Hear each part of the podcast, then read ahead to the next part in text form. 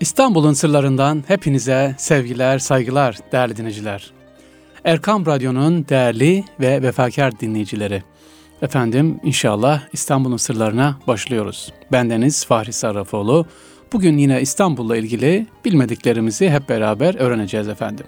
Sevgili dinleyicilerimiz geçtiğimiz hafta güneş saatiyle ilgili bir e, çalışma yapmıştık. İstanbul'da güneş saatinin olduğu camilerden bahsetmiştim. Bir dinleyicimiz sağ olsun e, başka bir camilerden daha güneş saati olduğunu söylemiş. Evet bunun gibi birçok camimizde var. Koca Mustafa Paşa'da var güneş saati. Efendim Fatih'te birkaç camide var. Özellikle Murat Paşa Camii'nde bahsetmiştik. Bunlarla ilgili var. Teşekkür ediyorum ilgiyle dinlediğiniz için gönderdiğiniz maillerden dolayı. Tekrar teşekkürler. Sevgili dinleyiciler bugün sizlere Efendim hani bir deyim vardır. Elçiye zeval olmaz var ya. Elçiye zeval olmaz. Elçi gider, söyler, gelir ve elçi koruma altındadır. Ama şimdi İstanbul'da bir garip elçi var efendim. Harun Reşit'in bir garip elçisi var. Nerede? Eminönü'nde eski ticaret odasının orada Zindanhan dediğimiz bir yer var. Evet, orada bir garip elçi yatar. İstanbul'da sahabeleri biliriz sevgili dinleyiciler. İstanbul'un fethine katılmış gazileri, şehitleri biliriz ama İstanbul'da bir türbe var ki bu yıllardır sizlerden ziyaret ve Fatiha bekler. İsmi Cafer el Mansur. Halife Harun Reşit'in İstanbul'a gönderdiği büyük elçisidir. Görevi İstanbul'da bulunan Müslümanların akıbetini araştırmak, takip etmek, onların hakkını savunmaktır. O yıllarda Koca Mustafa Paşa'da bir Müslüman mahallesi bulunuyordu yaklaşık 500 kişilik bir mahallemiz vardı. Gel gelelim elçiye zeval olmaz dedik ya ama elçiye zeval olmaz diye bilinirken dönemin Bizans İmparatoru elçiyi bu şimdiki Eminönü'ndeki zindana attırdı ve sonra da zehirletti. Evet hikayemiz bu. Bunu anlatacağız. Yerini tekrar edelim. Eminönü'nde hemen vapur iskelelerinin, teknelerin olduğu yerde sahile çok yakındır. Ahi Çelebi Camii'nin de yanındadır efendim. Zindanan dediğiniz zaman e, pembe bina görürsünüz. Onun arka tarafındaki kule de Bizans Kulesi. Bugün elimizde kalan tek Bizans Kulesi'dir. Eminönü'nde bir zamanlar tarihi yarımadayı kuşatan surlardan işte geriye sadece Zindan Kapı ve Zindan Han'ın arkasındaki bu kule var sevgili dinleyiciler. Kule Baba Cafer Kulesi diye bilinir. Aslında Babı Cafer'dir yani Cafer Kapısı demektir. Baba Cafer ya da Cafer el Mansur Resulullah Aleyhisselatü Vesselam'ın soyundandır. Harun el Reşit Bizans imparatoruna gönderdiği elçisiydi. Diplomasi saygısı olmayan imparator onu bu kulede hapsetmiş ve Baba Cafer burada zehirleniyor, şehit olarak vefat ediyor. Fetihten çok sonra mezarı kulenin ikinci katında bulunuyor efendim. Kaynaklarda Baba Cafer, Seyit Baba, Caferi Ensari, Caferi Sadık gibi isimlerle anılıyor Baba Cafer. Efendim e, Evliya Çelebi bununla ilgili verdiği bilgilerde ise İmam Hüseyin'in radıyallahu soyundan olup Abbas halifelerinden Harun Reşit döneminde 786-809 Şeyh Maksut ile birlikte elçilik vazifesiyle Bizans'a gönderilmiştir diyor. Baba Cafer ve Şeyh Maksut Bizans İmparatoru 1. Nikeforos tarafından kabul ediliyor.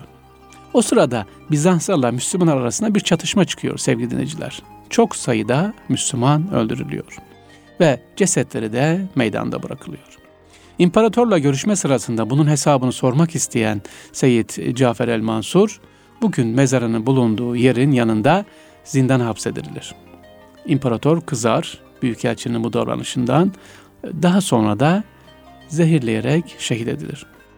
Baba Cafer ile birlikte gelen Baba Maksud ise imparatorun bir e, daha sonra yola getiriyor ve bütün Müslüman şehitlerin gömülmesini sağlıyor. Bir Müslüman mezarlığı da kurulmasını o dönemde sağlıyor efendim. Peki gelelim biz bugünkü Zindanhan'da bulunan iki mezara. Efendim geçtiğimiz hafta Cuma günü gezdik zindanımızı. Zindanhanı orada iki tane türbe var efendim girişte. Giriş serbest bu arada söyleyelim. Açık devamlı. Baba Cafer kerametlerinin çok anlatılır. Bunlardan bir tanesi Bizans İmparatoru e, Nikeforos'un emriyle zincirleniyor. Bir süre sonra zindancı bakıyor ki Allah Allah zincir yok. Tekrar zincire vuruyor ancak bu zincir de yok oluyor. İşte zindancı bunun üzerine Müslüman alıyor, Ali adını alıyor.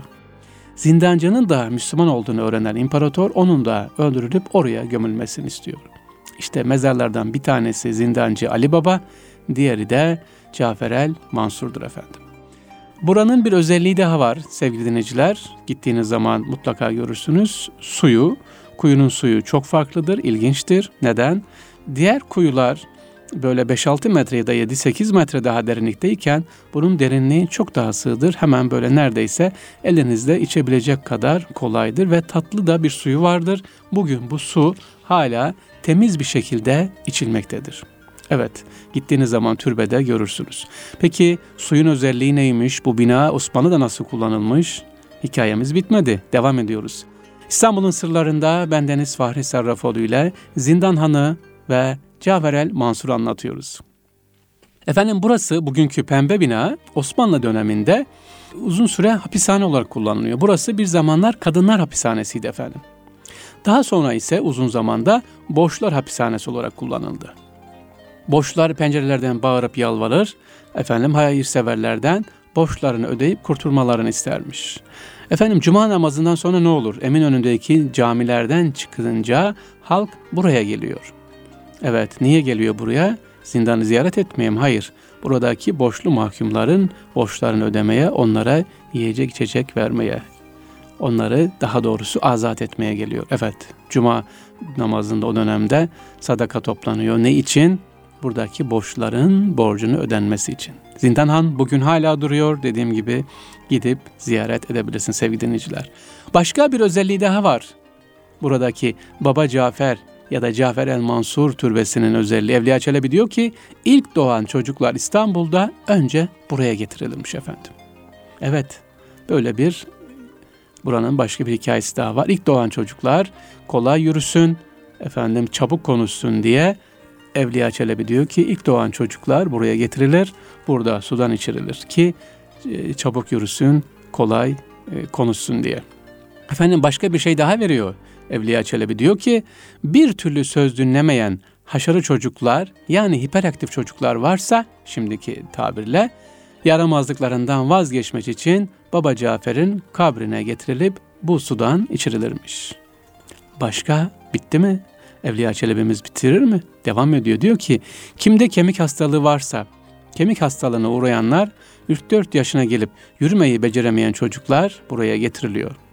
Bu gelenek efendim günümüzde de sürüyor. Bilenler geliyor.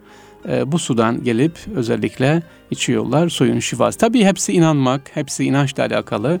Yoksa biz tabii ki tıptan sakın vazgeçmeyeceğiz. Tıp olmazsa olmaz. Bu Evliya Çelebi üstadımızın e, anlattıkları efendim.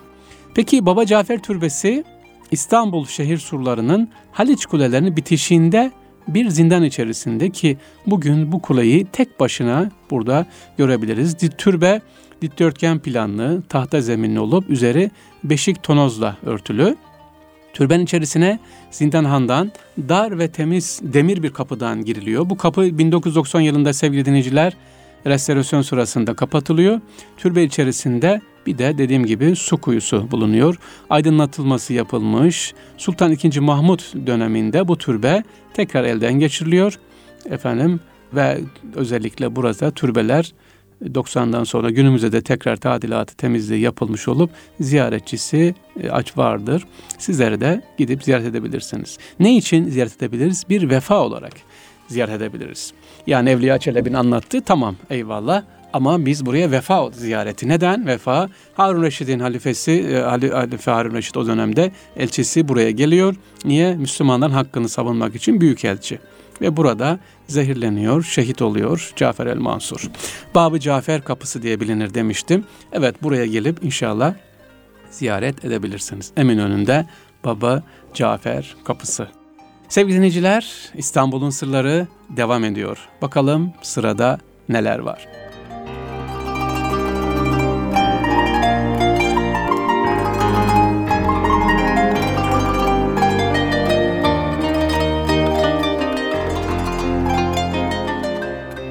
Sevgili dinleyiciler, İstanbul'da saatlerin ileri alınması Osmanlı'da nasıldı acaba?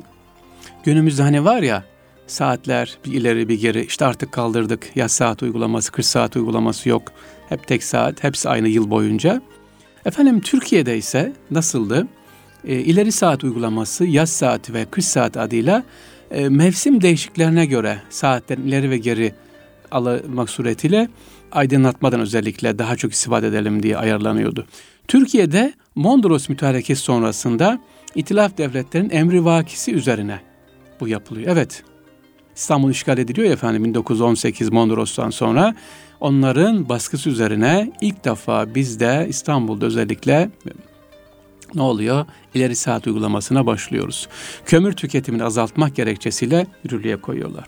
Cumhuriyetin ilanından sonra bu yönde denemeler yapılmışsa da uygulamada süreklilik sağlanmıyor. Yani Cumhuriyet'te böyle devamlı bir ileri geri yok. İleri saat anlayışının e, kabul görmesinde özellikle savaş şartları etkili oluyor efendim. E, Birinci Dünya Savaşı'nda olduğu gibi İkinci Dünya Savaşı yıllarında da tasarruf gerekçesiyle yine muharip ülkeler saat ayarlarında değişiklik yapıyorlar.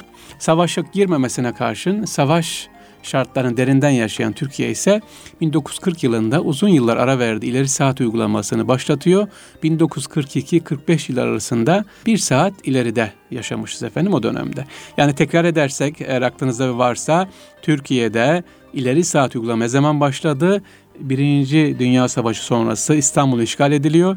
İşgal eden itilaf ülkelerinin baskısıyla yapılıyor. Sonra İkinci Dünya Savaşı'nda yine e, savaşan ülkelerin ileri saat uygulamasına geçmesi nedeniyle bizde de ne yapıyor? Başlıyor efendim ilk defa. Evet bizde ileri saat uygulaması dediğim gibi şu an itibariyle ne yaptı? Kalktı ve sabah erkenden yola çıkıyoruz, devam ediyoruz sevgili dinleyiciler. İşgal dedim sevgili dinleyiciler. İşgal yıllarında efendim İstanbul'da kadın kıyafetleri konusunda bir bilgimiz var mı? Araştırmalarda gözüme çarptı sizinle onu paylaşmak istiyorum efendim. Acaba İstanbul işgal edildi, hemen işgalin ertesi gün ne oldu derseniz, kadın kıyafetlerine el atıyorlar efendim. Ya işgal dönemlerindeki o işgal askerleri, işgal komutanları, İstanbul'u işgal edenler 1921 yılı baharında özellikle İstanbul'a gelen bir yazar diyor ki Halic'in iki yakasını bağlayan köprünün ortasına gelmiştik. Arabamız başka bir arabayla karşı karşıya geldiğinde arabada yüzü açık bir kadınla erkeğin konuştuğunu gördüm. Çok şaşırmıştım. Galata Köprüsü'nde bir peçesiz Türk kadını ve yanına oturmuş bir Türk erkeği. 20 yıl önce aynı adam kamuya açık bir yerde karısını bulunduğu yöne bakmaya dahi çekinirdi. İşgalden sonra böyle bir değişiklik olması beni şaşırttı diyor evet yazar. Efendim peki buna karşı kadın kıyafetleri ilgili böyle bir çalışma var işgal komutanlarının baskısıyla. Peki Türk Bedaini Koruma Cemiyeti'ni hiç duydunuz mu? Türk Bedaini Koruma Cemiyeti. Evet, bu Türk Bedaini Koruma Cemiyeti çarşafa şekil verilmesi yönünde çalışması dikkat çekiyor efendim. Cemiyetin adı ilk olarak Türk güzelliklerini cemiyeti olarak geçmesi de daha sonradan Türk Bedaini Koruma Cemiyeti'ne dönüşüyor. Cemiyetin üyeleri o dönemdeki amacı İstanbul'daki bu kadın kıyafetlerindeki aşırı Avrupalılaşma, özellikle şerri şerife uygun olmayan giyip kıyafetle ilgili bir çalışma yapmışlar, başlatmışlar. Ama dediğim gibi işgal döneminin baskısıyla e, Türk Bedai Koruma Cemiyeti de fazla başarılı olmamış. Evet ilginç bir cemiyet, ilginç bir dernek. Ben de yeni duydum. Türk Bedai'ni Koruma Cemiyeti ki özellikle işgal döneminde kılık kıyafetin değiştirilmesi konusunda yapılan çalışmalardan bir tanesiymiş efendim. İstanbul'un sırlarındayız sevgili dinleyiciler. Devam ediyor programımız. Ben Deniz Fahri Sarrafoğlu. Şimdi geldik türbelerden geldik. İleri saat uygulaması dedik. Türk Bedai'ni Koruma Cemiyeti dedik. Biraz sonra sevgili dinleyiciler bazı kelimeler söyleyeceğim. Kullandığımız kelimeler acaba bunların manası ne demek? Biraz ona bakalım diyorum. İlginç. Günlük yaşamda kullanıyoruz ama hayatımızda manası hiç de bildiğimiz gibi değil. Mesela pişmaniye desem ne dersiniz? Pişmaniye. Pişmanlıktan gelen efendim özellikle İzmit'te e, yapılan ya da değişik yerlerde yapılan bir tatlı türü değil mi pişmaniye? Ama bakın pişmaniye ne demekmiş? Efendim pişmaniye Farsça yün anlamına gelen peş sözcüğünden peşmane yani yün gibi demek. Sonra pişmaniye oluyor. Aslı neymiş? Peşmane, yün gibi. Öyle değil mi? Pişmane rengi beyaz, yüne benziyor. Piş, peşmane. bize nasıl gelmiş? Pişmaniye olmuş. Yani pişmanlıktan değil, yün gibi demekmiş sevgili dinleyiciler. Evet sevgili dinleyiciler başka özellikle bir de karga tulumba var. Karga tulumba götürdüler derler. Duydunuz değil mi bu cümleyi? Yolda adamı tuttular, karga tulumba götürdüler. Karga tulumba. Ama bu ne karga ne tulumba. Hiç alakası yok efendim. Ne kargayla hani hayvan ne de tulumpayla. İtalyanca karga la turamba ifadesinin bozulmuş şekli. Yani bir gemicilik tabiri. Manası ise yelkenleri topla demek. Ya karga tulumpa diyoruz ya kullanıyoruz değil mi şimdi? Aslında neymiş bu? İtalyancaymış efendim. Karga la tromba ifadesinin bozulmuş şekli manası da yelkenleri topla demek. Peki geldik öksüz kelimesine. Öksüz ne demek? E hocam onu net bilmeyecek ne var işte? Annesiz demek. Ama manasına bakalım. Eski Türkçe'de ök kelimesi anne anlamına geliyor. Bu itibarla öksüz, annesiz, annesi olmayan demek efendim. Eski Türkçemizde ök, anne. Hiç duyduk muydu ök ne demek? Anne demekmiş. Annesiz demek, öksüz. İstanbul'un sırlarında, günlük kullanımda, özellikle İstanbul'da kullanılan bazı kelimeleri farklı manaları var. Onların ne mana geldiğini anlatıyoruz efendim. Pişmaniye demiştim, karga tulumba dedim, öksüz dedim. Şimdi sırada ne var? Alkol. Alkol var ya hani içkinin içerisinde bulunan alkol. Arapçada kul kelimesi varmış efendim. Göze çekilen sürme anlamında.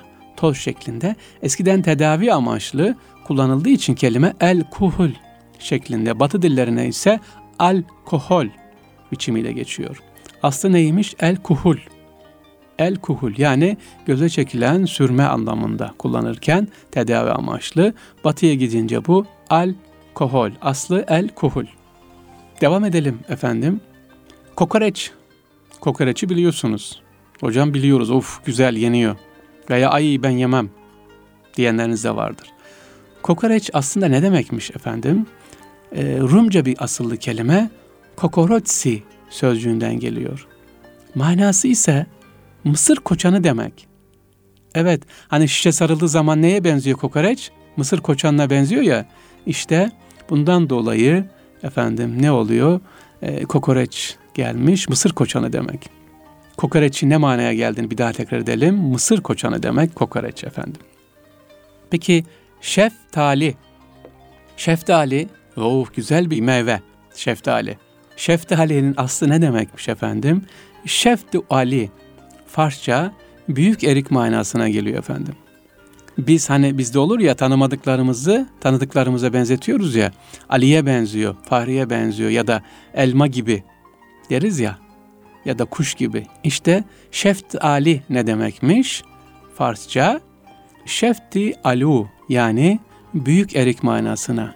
Eriği biliyoruz. Şeftali at verememiş. Ne demişiz? Büyük erik. Eriğe benziyor. Eriğin büyüğü. İşte şeftali ismi de sevgili dinleyiciler buradan geliyor. Ee, evet sevgili radyoda beni dinleyen kardeşler şaşırıyor muyuz biraz? bildiğimiz kelimelerin aslı demek ne demekmiş? Bunlar hazırlamışlar sağ olsun değerli kardeşlerimiz. Ee, ben de oradan derledim. Emeğe geçenlere teşekkür ediyorum tabii bu aradan. Demek ki şeftaliyi öğrendik, öksüzü öğrendik, alkolü öğrendik, e, efendim karga tulumpayı öğrendik ve pişmaniye. Bitti mi? Bitmedi. Devam ediyoruz. Şarküteri var. Mahallenizde vardır özellikle bazı bölgelerde görüş ya da marketlerde şarküteri reyonumuza buyurun. İşte şarküteri reyonumuz açılmıştır. Yahu ne demek şarküteri? Fransızca et anlamındaki çar ve pişmiş anlamındaki kuit birleşimi charcuterie, şarküteri, pişmiş işlenmiş et, salam, sucuk, sosis satan yer demek efendim.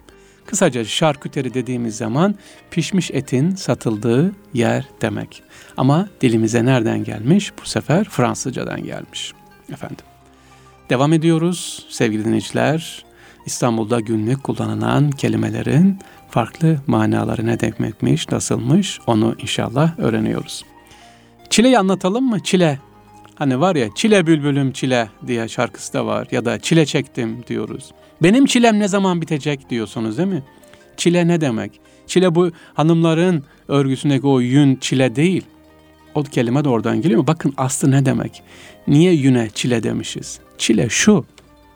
Çile Farsça kırk demek. Evet kırk demek olan çihil kelimesinden. Yani meşakkat sıkıntı anlamında tasavvufta dervişlerin girdikleri 40 günlük inzivadan dolayı bu ismi alıyor efendim. Çile çektim diyoruz ya yani 40 gün erbaine girdim derler tasavvufta. Erbain Arapçası değil mi? Ama Farsçası neymiş? Çihil. 40 demek. Ya Allah çile çektirmesin efendim. Eğitimimizi, imtihanımızı kolay eylesin inşallah. Devam edelim mi? Değerli dinleyiciler, İstanbul'un sırlarındayız. Bendeniz Fahri Sarrafoğlu ile bazı kelimelerin gerçek manasını öğreniyoruz efendim. Suistimal. Sakın beni suistimal etme. Ya da o iyi niyetimi suistimal etti deriz ya. Su istimal. Efendim kötü anlamındaki su ve kullanma yapma anlamındaki istimal birleşimiyle su istimal oluyor. Bir şeyi görevi ne yapıyor? Kötüye kullanama. Su ne demekmiş?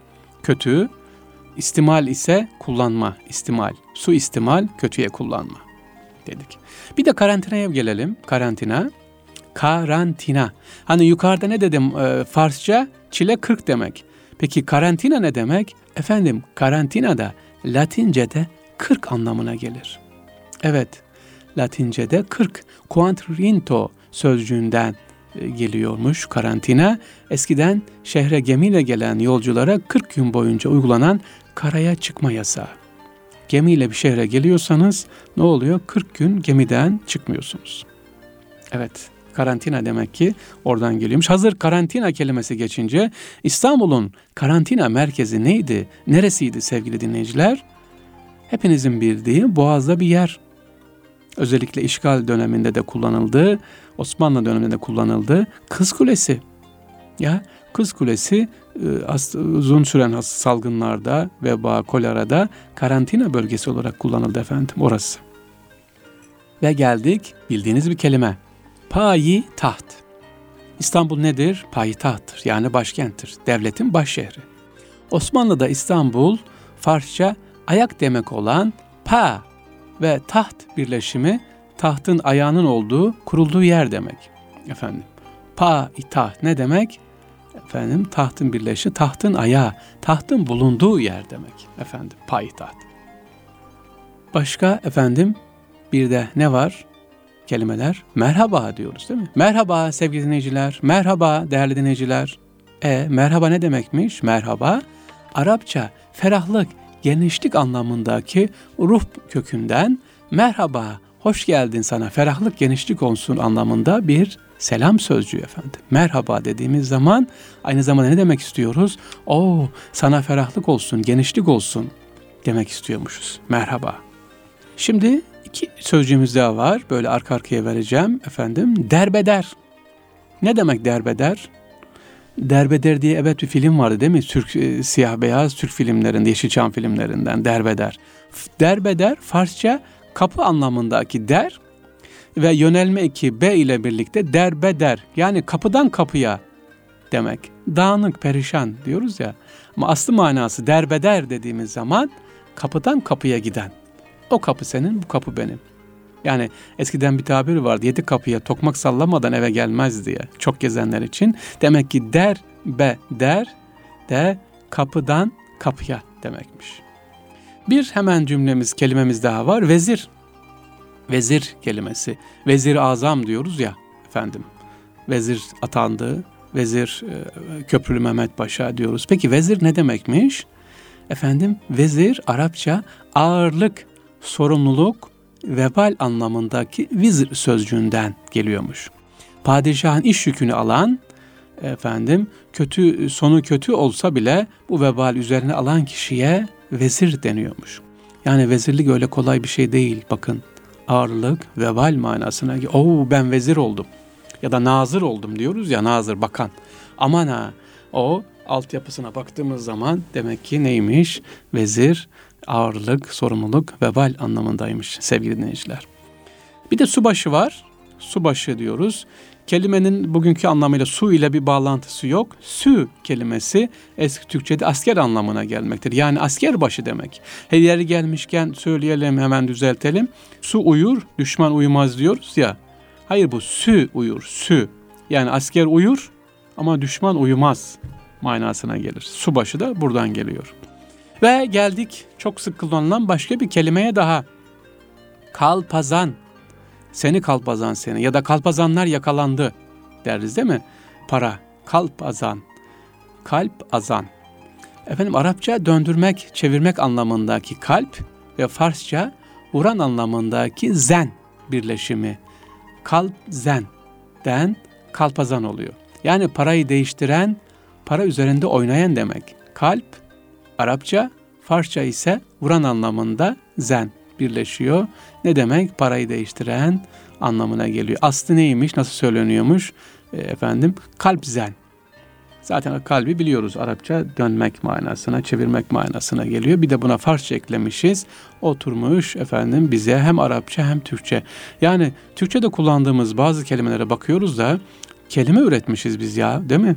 Bir tarafı Arapça, bir tarafı Farsça, bir daha ilave yapmışız. Türkçe bir eki koymuşuz. Oldu sana bir kelime kalpazan. Evet. Ha, bununla ilgili bir şey daha var. Evet. Övme karşısında birisi öldüğü zaman aa ne kadar yakışıklısın ya da ne bileyim çok naziksiniz dediği zaman estağfurullah diyoruz değil mi? Estağfurullah ne demek sevgili dinleyiciler?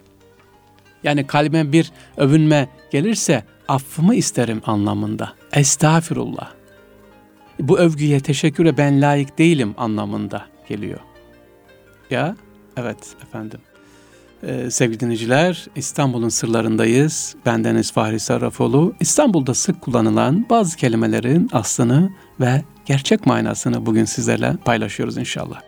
Geldik kerata.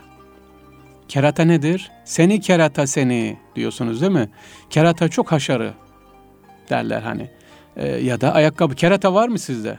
Çekecek diyorlar ya ayakkabı çekeceği. Aslında o nedir? Kerata. Efendim aslında ne demekmiş kerata? Boynuz anlamındaki keratondan, keratas da boynuzu demek. Ayakkabı çekeceğinin e, kaliteleri boynuzdan üretildiği için kerata oradan geliyormuş efendim. Ya kerata dediğim zaman ne demekmiş? Aslında kerata seni boyunuz. Yani o kadar da keratayı böyle günlük manada demek ki sık kullanmayalım. Kaba bir manası varmış. Boynuz anlamına geliyormuş. Keratos da argoda özellikle kullanılan bir kelime sevgili dinleyiciler. Bir kelimemiz daha var. Ben bunu inanın bilmiyordum. Bunun Türkçe olduğunu zannediyordum. Çok kullanırız. Ne deriz? Ay bir somun ekmek aldım. İçerisine de sıcacık tereyağı koydum. Hmm, mis gibi yedim değil mi? Ya da somun. Somuncu Baba deriz hatırlayın. Somuncu Baba Şeyh Hamdi Bili Hazretleri. Hiç merak ettiniz mi? Sevgili dinleyiciler. Somun ne demek? Somun. Evet. Efendim Rumca'da ekmek, çörek anlamındaki pisomin sözcüğünden geliyormuş. Somin, pisomin. Ekmek, yuvarlak ekmek, çörek anlamında pisomin. Neye dönmüş? Somuna dönmüş. Biz onu ne yapmışız? Böyle Türkçeleştirmişizdir. Birkaç kelimemiz daha var. Efendim vaktimiz daralıyor ama onu da aktaralım sizlere. İstanbul'un sırlarındayız dediğimiz gibi günlük kullanımdaki bazı kelimelerin gerçek manaları ne demekmiş onu öğreniyoruz kullandığımız kelimeler. Sık kullandığımız bir kelime. Maydanoz. Maydanoz. Hocam o da mı yabancı? Yahu maydanoz güzeldir, suyu içilir, salataya güzel olur. E olur canım bir şey demedik, güzel maydanoz. Efendim o da Rumca. Makedonis sözcüğünden geliyor. Yani maydanoz ne demekmiş? Makedonya otu demekmiş. Ya Araplar Makdonis diyorlar maydanoza. Osmanlıca metinlerde de mide nüvaz şeklinde de geçer efendim. Yani mide okşayan anlamında geçiyor. Evet, mide okşayan anlamında.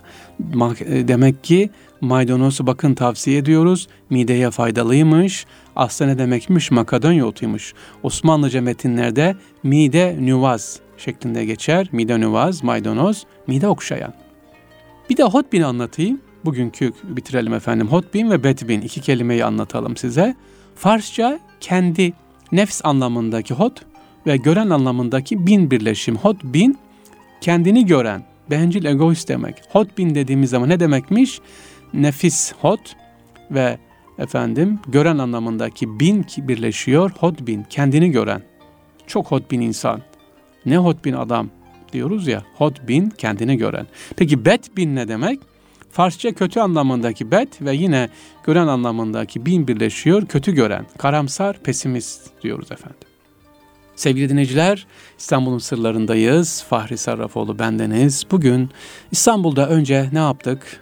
Bir türbemizi gezdik. Babı Cafer Eminönü'nde. Bugünkü pembe bina zindanını gezdik. Sonra efendim ne yaptık? İstanbul'da özellikle ileri saat uygulamasını anlattık. Ve bir cemiyetten bahsetmiştim İstanbul'da. İstanbul'da işgal dönemindeki hanımların kıyafetlerine karışılması, özellikle kıyafetlerin birden değişmesi bundan bahsettik. Ve son olarak İstanbul'un sırlarında kullandığımız bazı kelimelerin gerçek manalar ne olduğunu öğrendik. Mesela pişmaniye, karga tulumpa, alkol, öksüz, efendim kokoreç, şeftali, şarküteri, suistimal, çile, karantina, payitaht ve merhaba, derbeder, vezir, subaşı, kalpazan gördük. Keratayı anlattık.